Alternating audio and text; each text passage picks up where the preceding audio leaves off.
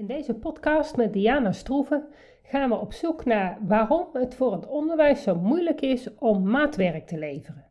Diana is communicatie-expert en heeft een boek geschreven, Schoolveteraan, omdat haar zoon ook in het onderwijs uitviel. Niet vanwege het beelddenken, maar wel vanwege een andere reden. En zij merkte dat de communicatie erg lastig is en dat er een soort van angstcultuur heerst en dat daardoor eigenlijk het belang van het kind niet meer voorop staat.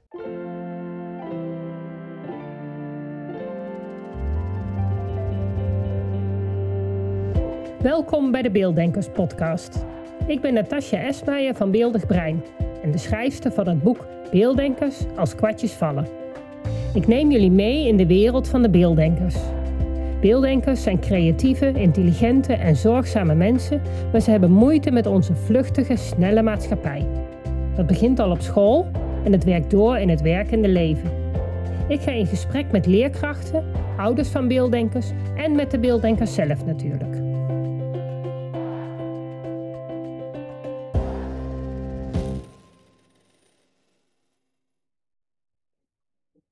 Uh, welkom allebei bij een nieuwe Beelddenkers podcast. Vandaag ga ik in gesprek met Diana Stroeven. Diana is vanuit haar werk communicatie-expert, maar zij is ook ervaringsdeskundig uh, op het gebied van schoolverlaters, want haar zoon heeft vroegtijdig school moeten verlaten en daar heeft zij uh, een boek over geschreven, Schoolveteraan.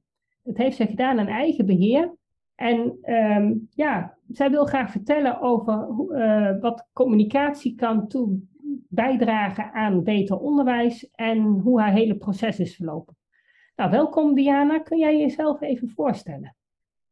Jazeker. Nou ja, ik ben Diana.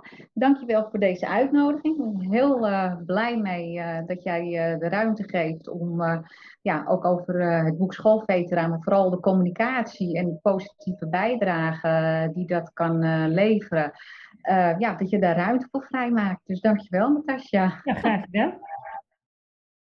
Schoolveteraan, waar gaat dat over? Kun je dat even uitleggen?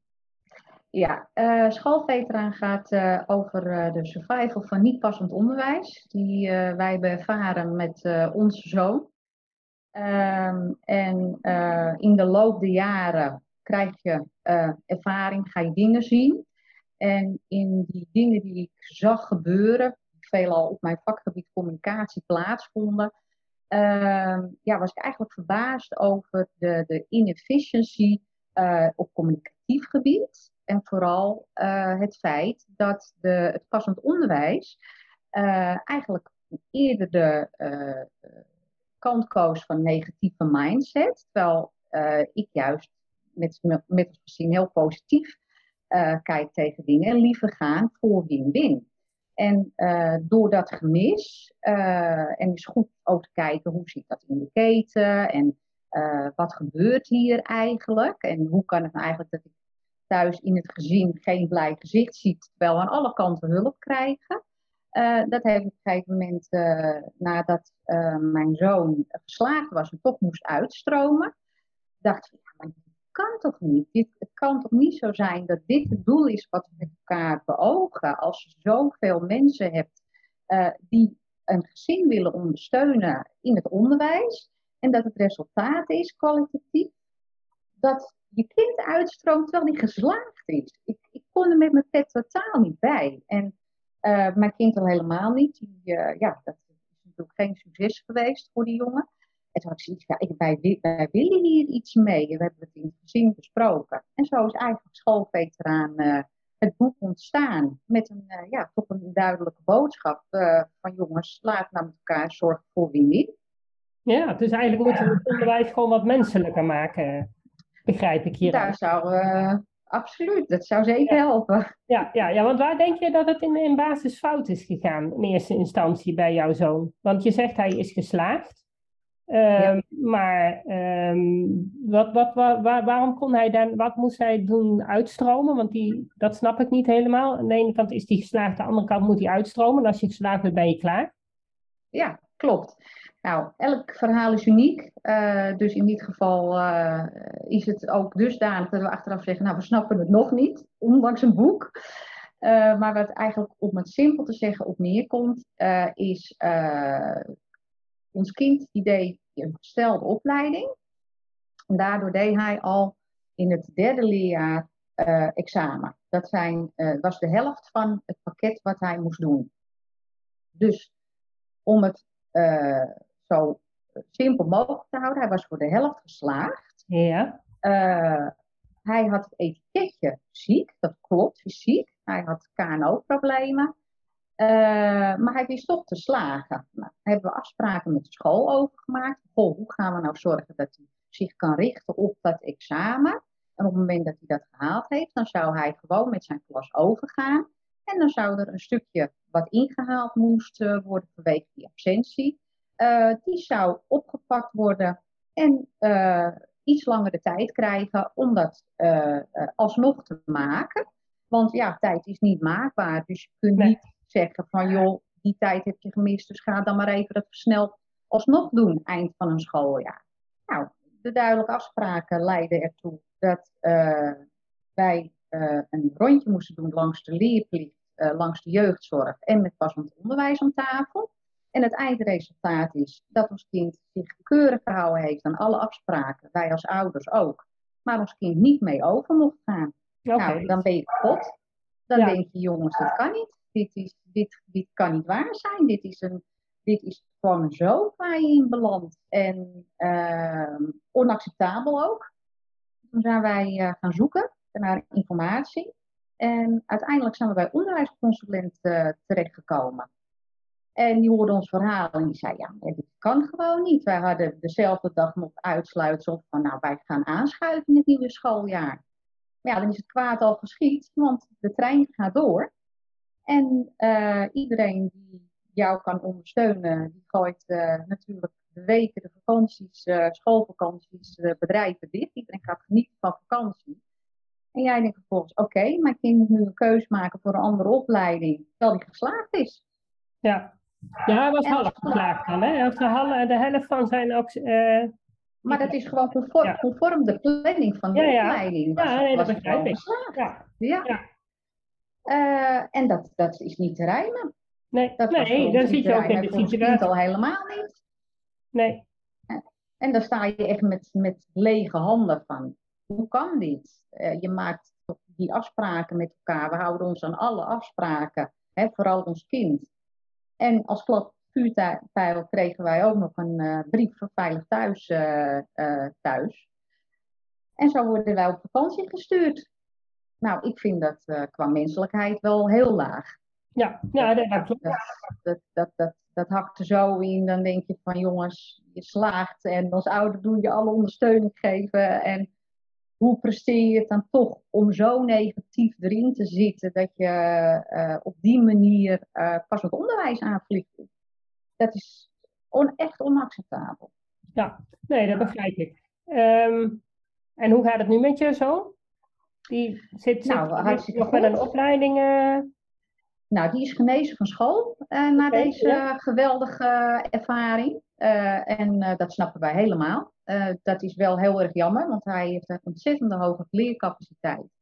Maar hij heeft gezegd, nou ja, als ik zo geholpen moet worden, mijn fysieke beperking die blijft. Ja. Uh, en als dit resulteert in mij zo steeds helpen, daar heb ik geen zin in. Daar pas ik voor. Uh, dan ga ik leuke dingen met mijn leven doen. En die is eigen bedrijf gestart. Oké. En die past nu zijn uh, beperking in zijn bedrijf in. Om ja. toch toekomstperspectief te hebben. terwijl eigenlijk de mensen die hem als volwassene dat toekomstperspectief hadden moeten geven, het volledig hebben weggehaald bij een kind. Ja, en, ja nee, dat, dat, hoor ik vaak. En dat is iets, uh, wat eigenlijk een van de grootste drijfveren is geweest ook voor het boek, boek Schoolveteraan. Uh, omdat je juist kinderen die iets hebben wil helpen. En wat je dus doet is dat zo'n kind eigenlijk helemaal voor zichzelf iets gaat organiseren om de toekomstperspectief te krijgen. Nou, dan denk ik dat we toch iets niet goed doen. Nee, klopt. School heeft af en toe wel het idee dat school het enige is waar je kan leren.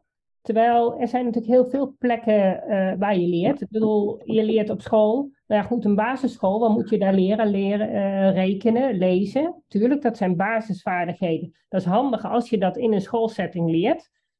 Maar je moet eigenlijk ook leren hoe jouw brein werkt. Dat vergeten ze er even bij te vertellen, want dat weten ze zelf eigenlijk op school vaak niet. Uh, de, de, de, de basis weten ze, maar ja goed, er zijn zoveel verschillende mensen en zoveel verschillende manieren van leren. En er, er wordt gewoon één manier uh, ja, voorgeschreven, zo gaan we het doen. Als je niet in dat plaatje past, nou ja, jouw zoon paste toen nog wel in het plaatje, dus dat, dat zal toen nog geen probleem geweest zijn waarschijnlijk. Uh, ja, er zijn natuurlijk heel veel kinderen die dan al niet in het plaatje passen en dan al dus nou ja, tegen de problemen aanlopen waar jouw zoon op 16-jarige leeftijd tegenaan is gelopen. Uh, zo is dat voor ieder, ieder verhaal is anders. Ieder kind is anders. Het ene kind loopt ook veel sneller vast dan het andere natuurlijk. Uh, sommigen die doen het er gewoon mee. Weten ook vaak niet dat zij uh, anders leren dan dat, dan dat er op school lesgegeven wordt. Maar goed. En dat is jammer, die ruimtes die ruimtes zijn er vaak niet. Wat, wat ik vaak merk is dat een school uh, aan de ene kant zoiets heeft. Nou ja, bijvoorbeeld, ik kwam laatst in een gesprek met een school en die ouders die lopen dus al twee jaar uh, met dat kind, nou ja, dyslexiebegeleiding. Ze zijn een paar keer bij mij geweest. Maar goed, dan kwam er weer dyslexiebegeleiding. Gaan ze dat eerst doen, dan zijn ze weer bij mij terug. Uh, je ziet dat dat kind echt aan het overleven is. Dat compenseert aan alle kanten om toch maar met de les mee te doen. Hij krijgt aan alle kanten hulp en steun. En, maar hij is niet gelukkig. Hij zit vol met frustratie. En dan kom je bij school van, goh, kan, kan nou ja, mijn begeleiding op school, nou dat mag dan. Uh, maar kunnen jullie dat dan ook bekostigen? Want ja, dat is voor de ouders ook op een gegeven moment uh, best een hele belasting. Nee, ja, maar wij hebben geen hulpvraag. School ziet niet dat er een hulpvraag is, terwijl je ziet dat dat kind aan alle kanten echt gewoon uh, ja, niet lekker in zijn vel zit en niet optimaal kan leren. Nee. Dus nou, daar gaat het al fout. Daar zou ik graag op aan willen haken. Uh, het is wat jij ook zegt, het is een hulpvraag. Ieder kind is uniek en iedereen leert op zijn eigen manier. Hè? En toch is het systeem zo ingericht dat uh, één methode kennelijk de enige juist is. En dat is nu denk ik een uitgangspunt die niet correct is, want we zijn nu eenmaal allemaal verschillend. Dus ik denk dat jouw expertise bijvoorbeeld daarin ook ontzettend uh, ja, ondergewaardeerd is. Wat ik als ouder zelf heel erg jammer vind. Omdat ik denk, goh, het gezamenlijke doel zou moeten zijn, denk ik, om de kinderen daarin te steunen. Nou, die hulpvraag van mijn zoon was toen de tijd, heb het over 2019. Joh, dan wil ik graag afstandsonderwijs, want met mijn KNO-problematiek is het voor mij heel lastig om de hele dag in een volle klas te zitten. Dat trek ik niet.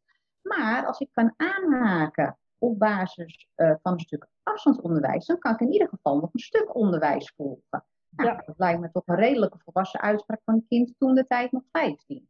En uh, dat, dat, uh, die optie die werd hem gewoon niet geboden. Terwijl hij aangeeft, dit is voor mij nu de oplossing binnen de beperking die ik heb. En op het moment dat je die medewerking dus niet krijgt, dan dan haal je ook zeg maar, dat stuk bij kinderen weg. Waarom zou je zo'n kind die tool niet geven? Hij is er. Die tool is er gewoon. Dus maak er gebruik van. En uh, ik hoop dat ik deze boodschap nu over mag brengen aan de mensen die uh, zeg maar, uh, daarmee te doen hebben. Door help die kinderen nou daadwerkelijk. En geef die tool gewoon aan die kinderen. Want het geeft iedereen heel veel rust. Ook voor een leerkracht werkplezier. En het is ook een stuk gunfactor. Eh, denk ik. Gun die kinderen die tool, die is er voor. Daar betalen we met z'n allen uh, voor. Hoe geweldig is het dat je hem dan ook kunt geven? Ja, maar ik kan het je nog veel dotter vertellen. Er zijn heel veel kinderen met een diagnose dyslexie, die echt heel veel moeite hebben met lezen. Daar, is gewoon een, daar zijn Daisy-spelers voor. Maar onder het mom van als je maar genoeg leest, dan gaat het vanzelf beter, moeten ze eigenlijk alles gewoon in de klas gewoon lezen. Er wordt nergens een Daisy-speler voor ingezet. Terwijl een leesles moet een leesles zijn. Dan moeten ze leren lezen. Maar een aardrijkskundeles, dat is geen leesles. Dan moet je gewoon hm. het tool krijgen van doe gewoon de Daisy-speler, laat het voorlezen en ze krijgen tenminste de kennis binnen. Op deze manier zijn ze aan het stunten, dat doen ze er heel lang over, krijgen ze nog de kennis niet binnen. Dus je houdt ze ook nog terug helemaal in hun ontwikkeling op. Dus dat is. Nou, Ja, en dan kom je dus eigenlijk, als ik die conclusie even mag trekken op basis van mijn ervaring, dan kom je dus eigenlijk op dat de, de uitvoering van het Nederlands onderwijsbeleid, hè, die tool is er, dat Mhm. misschien het puur komt, communicatief, op de onduidelijkheid. Wanneer geef ik zoiets wel en wanneer niet?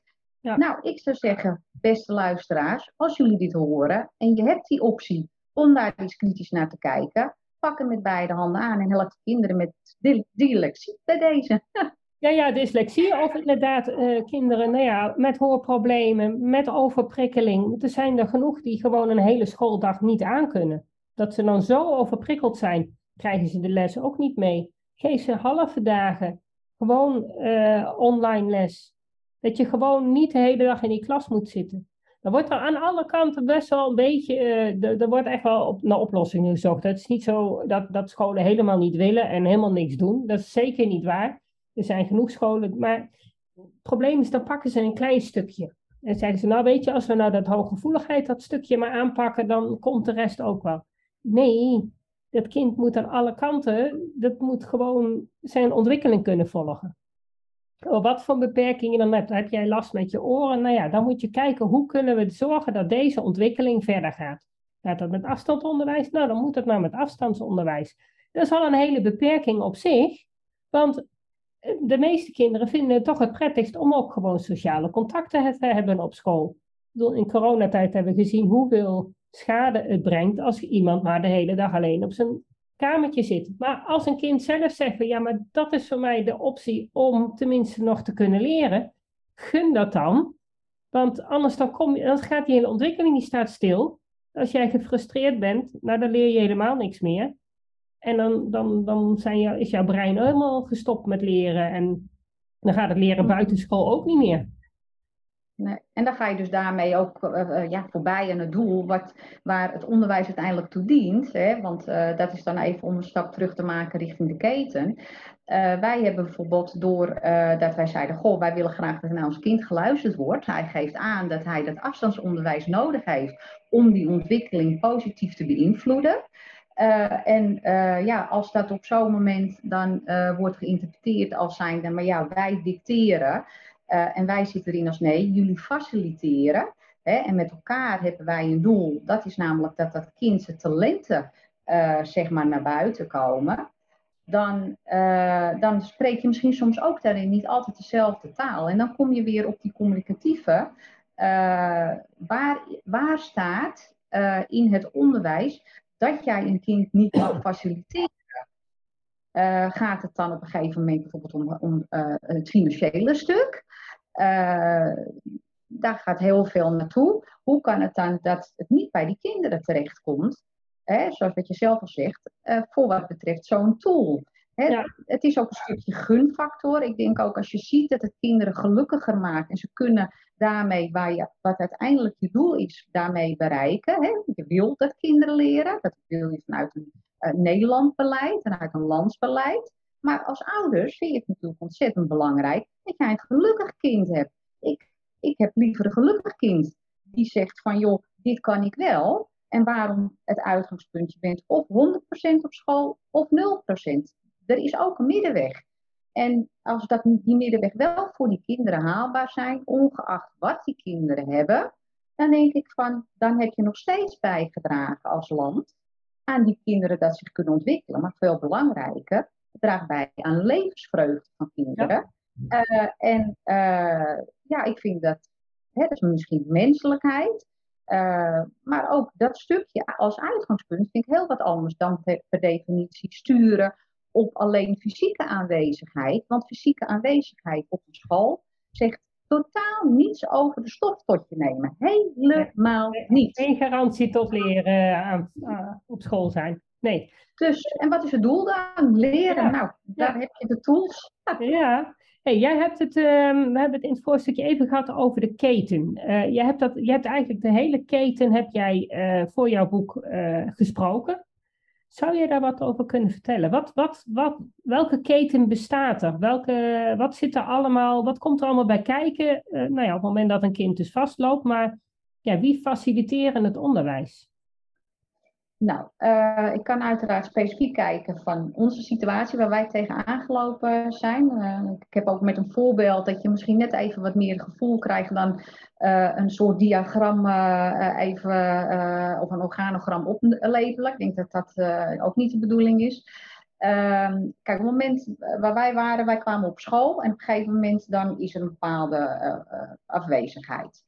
Nou, dan moet ik zeggen, ik ben van mening dat elke school vanwege de keuzevrijheid die hun mogen maken, uh, dat dat ook resulteert in uh, dat uh, de richtlijn onduidelijkheid die er nu is. Dat is in ieder geval de beleving die ik heb en de richtlijn vanuit de overheid bedoel je daarbij? Ja, van wat, wat kan wel en niet. dat komt ook omdat dat verschoven is richting de gemeentes. Uh, zeker in die tijd. Hè. Dus ik kan ook alleen maar zeggen van nou, dat is wel een aantal jaren terug. Dus op basis ja, 2009 is maar drie jaar geleden. Hè. Dat is niet heel erg veranderd, denk ik meer. Nee, als we nog 50 jaar geleden uh, de, de structuren handhaven in het huidige onderwijs is drie jaar echt kort. Dat klopt. Ja, het was wel heel kort hoor. Ja, want ik, ja. wat ik heb gevonden is dat er staat dat kinderen minimaal 60% van de tijd aanwezig zouden moeten zijn. Dat is volgens mij ergens een richtlijn. Um, kom je buiten die 60%, dan heb je niet voldoen aan de hoeveelheid uren dat je op school bent, dan heb je het jaar niet gehaald. Dus je moet 60% van de lessen moet je gevolgd hebben. Oké, okay, nou, die informatie heb ik niet. Ik nee, weet dat je... wij. Nee, toen, toen, uh, toen niet hoor. Maar, maar wij ja, maar dat is dezelfde met, tijd hoor. Want dat is namelijk in de tijd dat ik mijn eerste boek heb geschreven. En dat is dus okay. nog in 2019. En ik, dat was ook in de tijd dat ik met mijn jongste dochter in het onderwijs vastliep. En zij heeft wel uh, lestijdvermindering gekregen namelijk. Oké. Maar dan, dan moet je nou, minimaal 60% en uh, elk vak moest ze uh, minimaal één uur op school aanwezig zijn.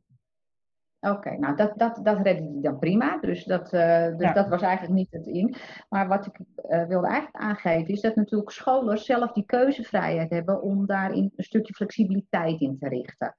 En uh, wij hebben bijvoorbeeld eerder, toen onze zoon nog niet vastliep, uh, en toen was hij een keer afwezig, dat was nog geen eens twee weken, toen kregen wij al hele forse scho schoolgesprekken over dat hij een potentiële drop-out was. En daar waren wij ontzettend verbaasd over, dat je zo negatief erin zit, alsof als je twee weken niet op school geweest zou zijn, je nooit meer in staat zou kunnen zijn om de schade in te halen. Die mindset, en dat is waar ik het over heb in die keten, wat wat mij opviel, ook communicatief, uh, dat vind ik ook niet een goed signaal naar kinderen toe. Nee. Want je zegt eigenlijk al gelijk van ja, als jij ziek bent, kan je het gewoon helemaal vergeten. En dat is natuurlijk niet het inclusieve plaatje wat we met z'n allen willen uitstralen als land, hè? ook zeker vanuit het onderwijs. Dan moet je juist zijn voor zo'n kind. En kijken van oké, okay, het is nu niet gelukt, maar hoe gaan we dan de resterende tijd dat je er wel bent? Maar om op had. Jij, had jij dan ook last van aannames dat, dat hij dat expres deed? Want ik bedoel, hij had een aanwijsbare reden. Ik nou mag aannemen ja. dat ze die dan ook weten. Want wat ik wel nog wel eens merk is dat scholen heel snel um, eigenlijk uh, aannemen van, oh, uh, er zal wel uh, misbruik in het spel zijn, of mensen die, die willen niet naar school. Of, er zijn natuurlijk heel veel kinderen die niet naar school willen, en spijbelen. Dat is natuurlijk wat anders dan.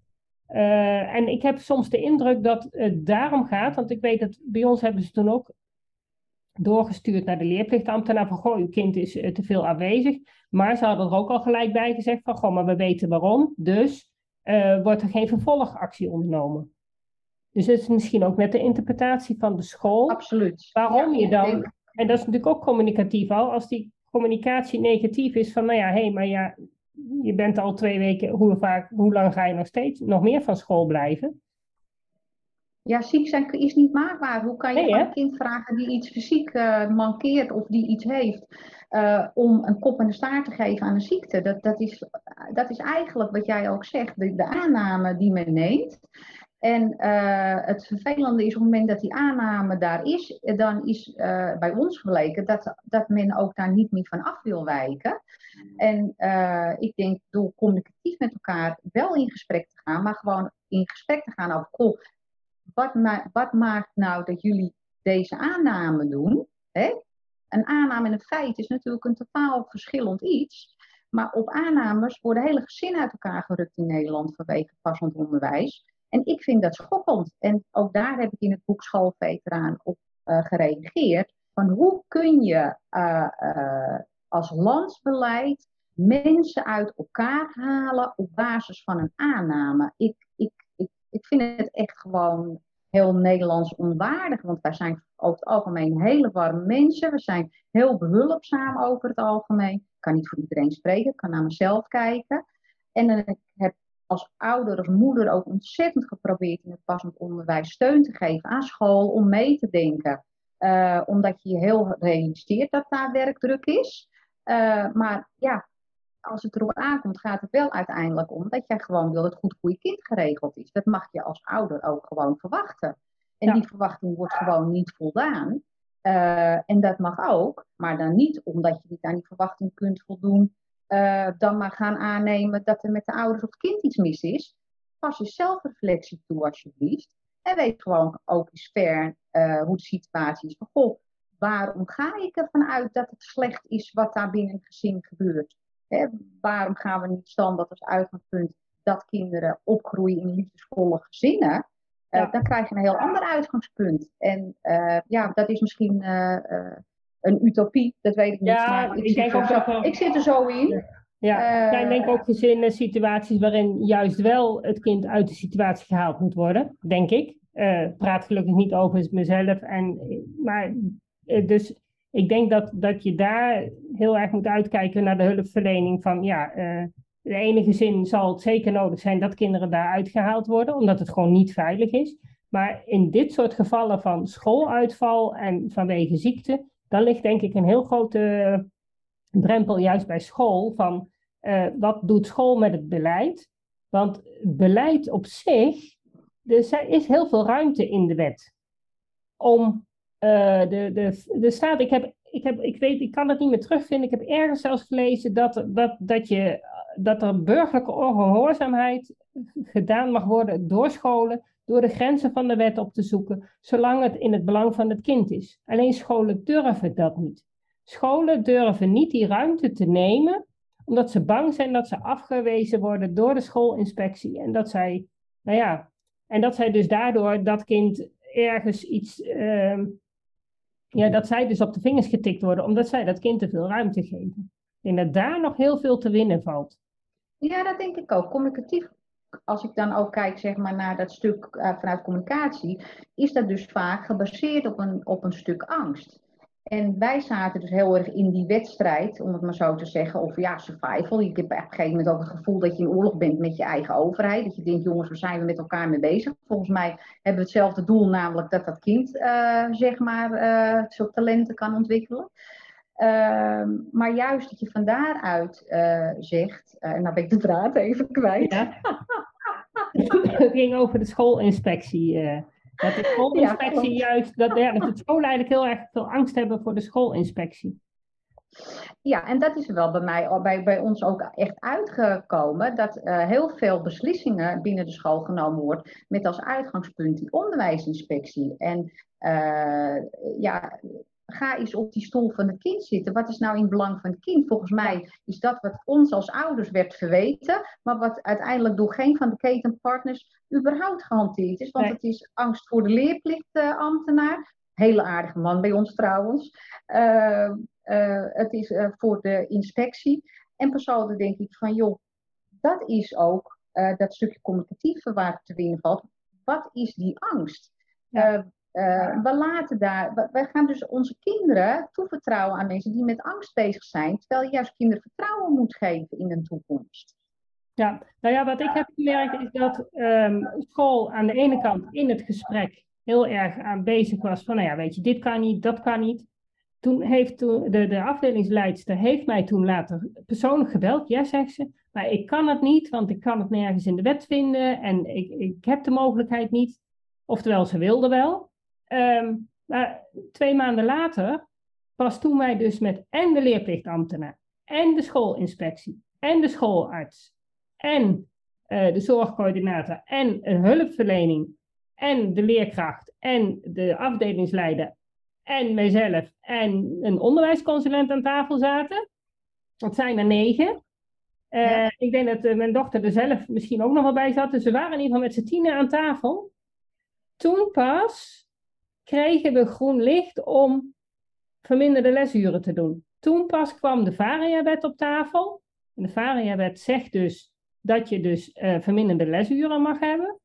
En toen pas gaf, het, gaf school groen licht.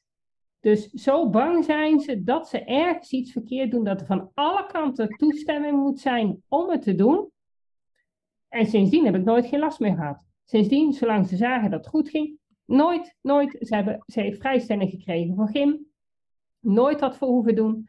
Toen het eenmaal goed was, was het goed. Maar voordat er eindelijk dat groene licht is, hebben ze dus gewoon van iedereen toestemming nodig.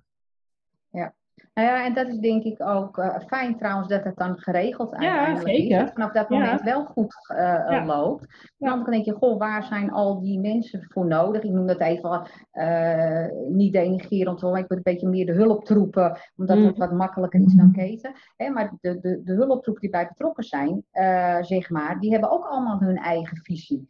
En wij zaten aan tafel met mensen die allemaal hun eigen visie, uh, zeg maar, uh, erdoor wilden drukken. Uh, zonder te luisteren naar wat ons kind aangaf. En wij zaten dan uiteindelijk met z'n elfen. inclusief de onderwijsconsulent, die heeft ons wel daarin absoluut een stuk gesteund, waardoor wij weer zelf regie daarop konden nemen. Maar de voorstellers zijn in onze beleving, zoals die voorgesteld zijn aan ons passend onderwijs, eigenlijk altijd overbodig geweest. Als een kind aangeeft, ik wil het oplossen, voor mij werkt afstandsonderwijs. En je krijgt vervolgens het voorstel omdat je kind een oorontsteking heeft, standaard of chronisch. En uh, uiteindelijk stellen we dan voor, terwijl een kind geslaagd is, dan moet je maar uh, fulltime naar het speciaal onderwijs toe en met een busje gehaald en gebracht worden. Terwijl je een kind hebt die aangeeft, voor mij is een halve dag school al te veel. Laat staan dan een fulltime weer naar school. Plus uh, zeg maar ook nog eens uh, dat je met een busje, dus je reistijd zou krijgen. En dat, dat alleen omdat een school afstandsonderwijs weigert. Hè? Want dat is waar we ja. het hier over hebben. De tool wordt niet gestrekt. Ja. En ja. Uh, dat vind ik heel triest. En dat vind ik met z'n allen ontzettend gek. Dat, de, dat het onderwijs zoveel kost. Maar het erge is nog mijn beleving als moeder, mijn visie, dat ik niet snap dat je überhaupt zoiets voorstelt aan een kind die geslaagd is. Want je zegt daar ook mee, joh, alles wat jij behaald hebt aan uh, onderwijsresultaat, je bent al geslaagd, gooien we gewoon voor jou overboord. Ga jij eens even lekker opnieuw beginnen en ga jij vervolgens toch maar lekker hele dagen op school zitten. Ik snap dat niet. Dan denk ik echt, jongens, volgens mij ga je een doel voorbij. kind geeft aan dat hij iets heeft. Neem dat als uitgangspunt. Niet wat jullie als pasklare oplossing hebben. Nou, volgens mij zit daar communicatief al heel veel winst. Ja, ik gewoon de ouders, uh, Gewoon de ouders ook als expert zien, expert van hun kind, hun eigen persoonlijke expertise uit hun werk. Uh, en dat hoeft niet altijd, dat hoeft zeker niet op, op onderwijsgebied te zijn, maar wel op het gebied van wat heeft je kind nodig en op, hoe, hoe, hoe functioneert mijn kind wel goed. En daar wordt ook nou, allemaal... wel. Als, als ouder word je meestal in het gesprek niet serieus genomen als zijn dat je er echt al verstand van kan hebben. Ja, ik denk dat dat ook schoolafhankelijk is. Hè? En met de mensen met wie je te maken hebt. Want denk de alles wat je, de school. Dat, alles wat we dus hier bespreken is, is afhankelijk van wie je toevallig treft. Want ik hoor ook van onderwijsconsulenten, nou, we hadden ook hele goede ervaringen, maar ik hoor ook mensen met slechtere ervaringen. Uh, er zijn natuurlijk scholen die wel gewoon deze tools bieden. En het is niet zo dat elke school uh, helemaal op dezelfde manier functioneert. Het zijn allemaal nee. mensen. En die, maar het zijn, het zijn ook allemaal mensen. Allemaal mensen die bang zijn dat ze het verkeerd doen. Uh, aan de ene kant, en dan is het vaak veiliger om het dan maar voor de hele school goed te doen, dan voor dat ene kind, blijkt wel. En dat is een beetje jammer, want je moet als ouders of als kind moet je zo lobbyen om iets gedaan te krijgen. Dat zou andersom moeten zijn. Andersom, ja. ze zouden als school moeten zien van hé, hey, dat kind loopt niet helemaal lekker. Dat kind dat, ja, heeft een probleem. Wat kunnen we bieden aan tool om te zorgen dat het wel weer goed gaat? Maar zo uh, makkelijk, uh, zover zijn we. Nee, en ik denk dat dat communicatief ook het punt is wat jij, uh, waar ik dan even op wil aanhaken. Op het moment dat je zegt van joh, luister, je ziet dat een kind dat dat niet lekker gaat Nou, je neemt het uitgangspunt, wat geeft het kind aan wat nodig is? En je gaat daar als school achteraan voor de ouders en het kind. Hè. Een school faciliteert daarin. En daarmee voldoen ze ook aan hun taak dat zij die zorgplicht keurig invullen. Uh, en jij haalt die informatie, dan uh, zou je van daaruit al een goed antwoord kunnen hebben. Ja. Nou, maar dan is de, de interpretatievrijheid verschoven. Ja, dat doen we wel of niet. Misschien, hè, dan kom je weer op dat angststukje. Ja, maar als ik die dat geef, moet ik dat een ander ook misschien gaan ja. geven. En hé, hey, wat is dat voor mijn budget? Nou, dan neem je het uitgangspunt, het budget, of wat wel of niet mag. En niet wat het belang van het kind is, wat we met z'n allen pretenderen. En dat uitgangspunt, uh, dat heb ik heel erg gemist. Ik heb alleen maar iedereen zijn eigen individuele stukje gehoord als ouder. Uh, waarvan ik denk van jongens, joh, uh, die win-win kun je communicatief al heel makkelijk beslechten. Door gewoon zeggen, oké, okay, wat verwachten jullie van ons? Wat verwachten wij van jullie daarin? En hoe gaan we het wel regelen? En dan kom je bij even één simpel woordje toevoegen. Niet, niet, maar hoe wel. Gewoon ja. het woordje wel. En ik denk die driehoek school, ouder, kind. Um, het kind staat centraal. De, de, de, de leerkracht, nou ja, die, die moet zijn werk doen. Die is daarvoor opgeleid. Uh, nou ja, maar die ouder, die heeft de rest van de dag dat kind. En die kent het kind. En um, je kan soms ook weten, soms daarin overleggen met ouders. En dat wordt over het algemeen niet gedaan. Of te weinig gedaan. Er worden beslissingen genomen waar ouders niet altijd in betrokken zijn, terwijl ouders juist hele cruciale informatie kunnen geven. En met elkaar kun je die win-win realiseren natuurlijk. Maar dan moet je elkaar wel in basis daarin als gelijkwaardig zien. Ik denk dat ja. dat vaak een punt is uh, waar, wat jij zelf ook al aangaf. Van goh, vaak wordt een ouder niet als gelijkwaardig gezien. Hun zijn het de kind ook niet, hè? Het kind is uh, ook gelijkwaardig, hè? Ja, dus ook, precies, in die driehoek zijn, ben je alle drie gelijkwaardig en moet je alle drie wat kunnen zeggen. Maar dat is dus de theorie en in de praktijk werkt het nee. niet zo. En ik denk als je daar zou beginnen, hè, als je daar begint van joh, uitgangspunt is met elkaar ga je het realiseren. Dat houdt in dat iedereen zijn ruimte heeft om daarin dat aan te geven.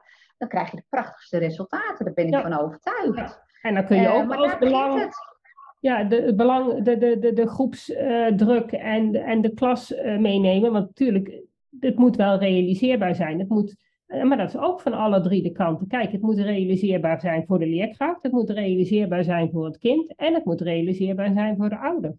Op het moment dat je zegt van een kind moet halve dag, gaat halve dagen naar school en moet thuis afstandsonderwijs krijgen, moet die ouder dat wel kunnen faciliteren. Die heeft ook zijn baan. Dus er zijn ja. dingen uh, als je een oplossing en leeftijd. moet het voor iedereen, ja, moet dat voor iedereen werken. Voor alle, alle, alle kanten moet het werken. Kijk, jouw zoon had dat makkelijk zelf gekund. Een kind van acht dat overprikkeld is, ja, die kun je niet in, in zijn eentje thuis laten zitten. Nee, precies. Dus, dus de, de dus leven zijn... van het kind is wel essentieel. Ja. Maar daarom moet je voor de gelijkwaardigheid, maar ook naar de realisatie kijken. Ja, klopt. Maar dat, ook dat is goed ja. overleg, toch? Dat is zeker prima overleg, volgens mij. Als je daar begint en dan ook de, de, de, de visie van de ouders meenemen.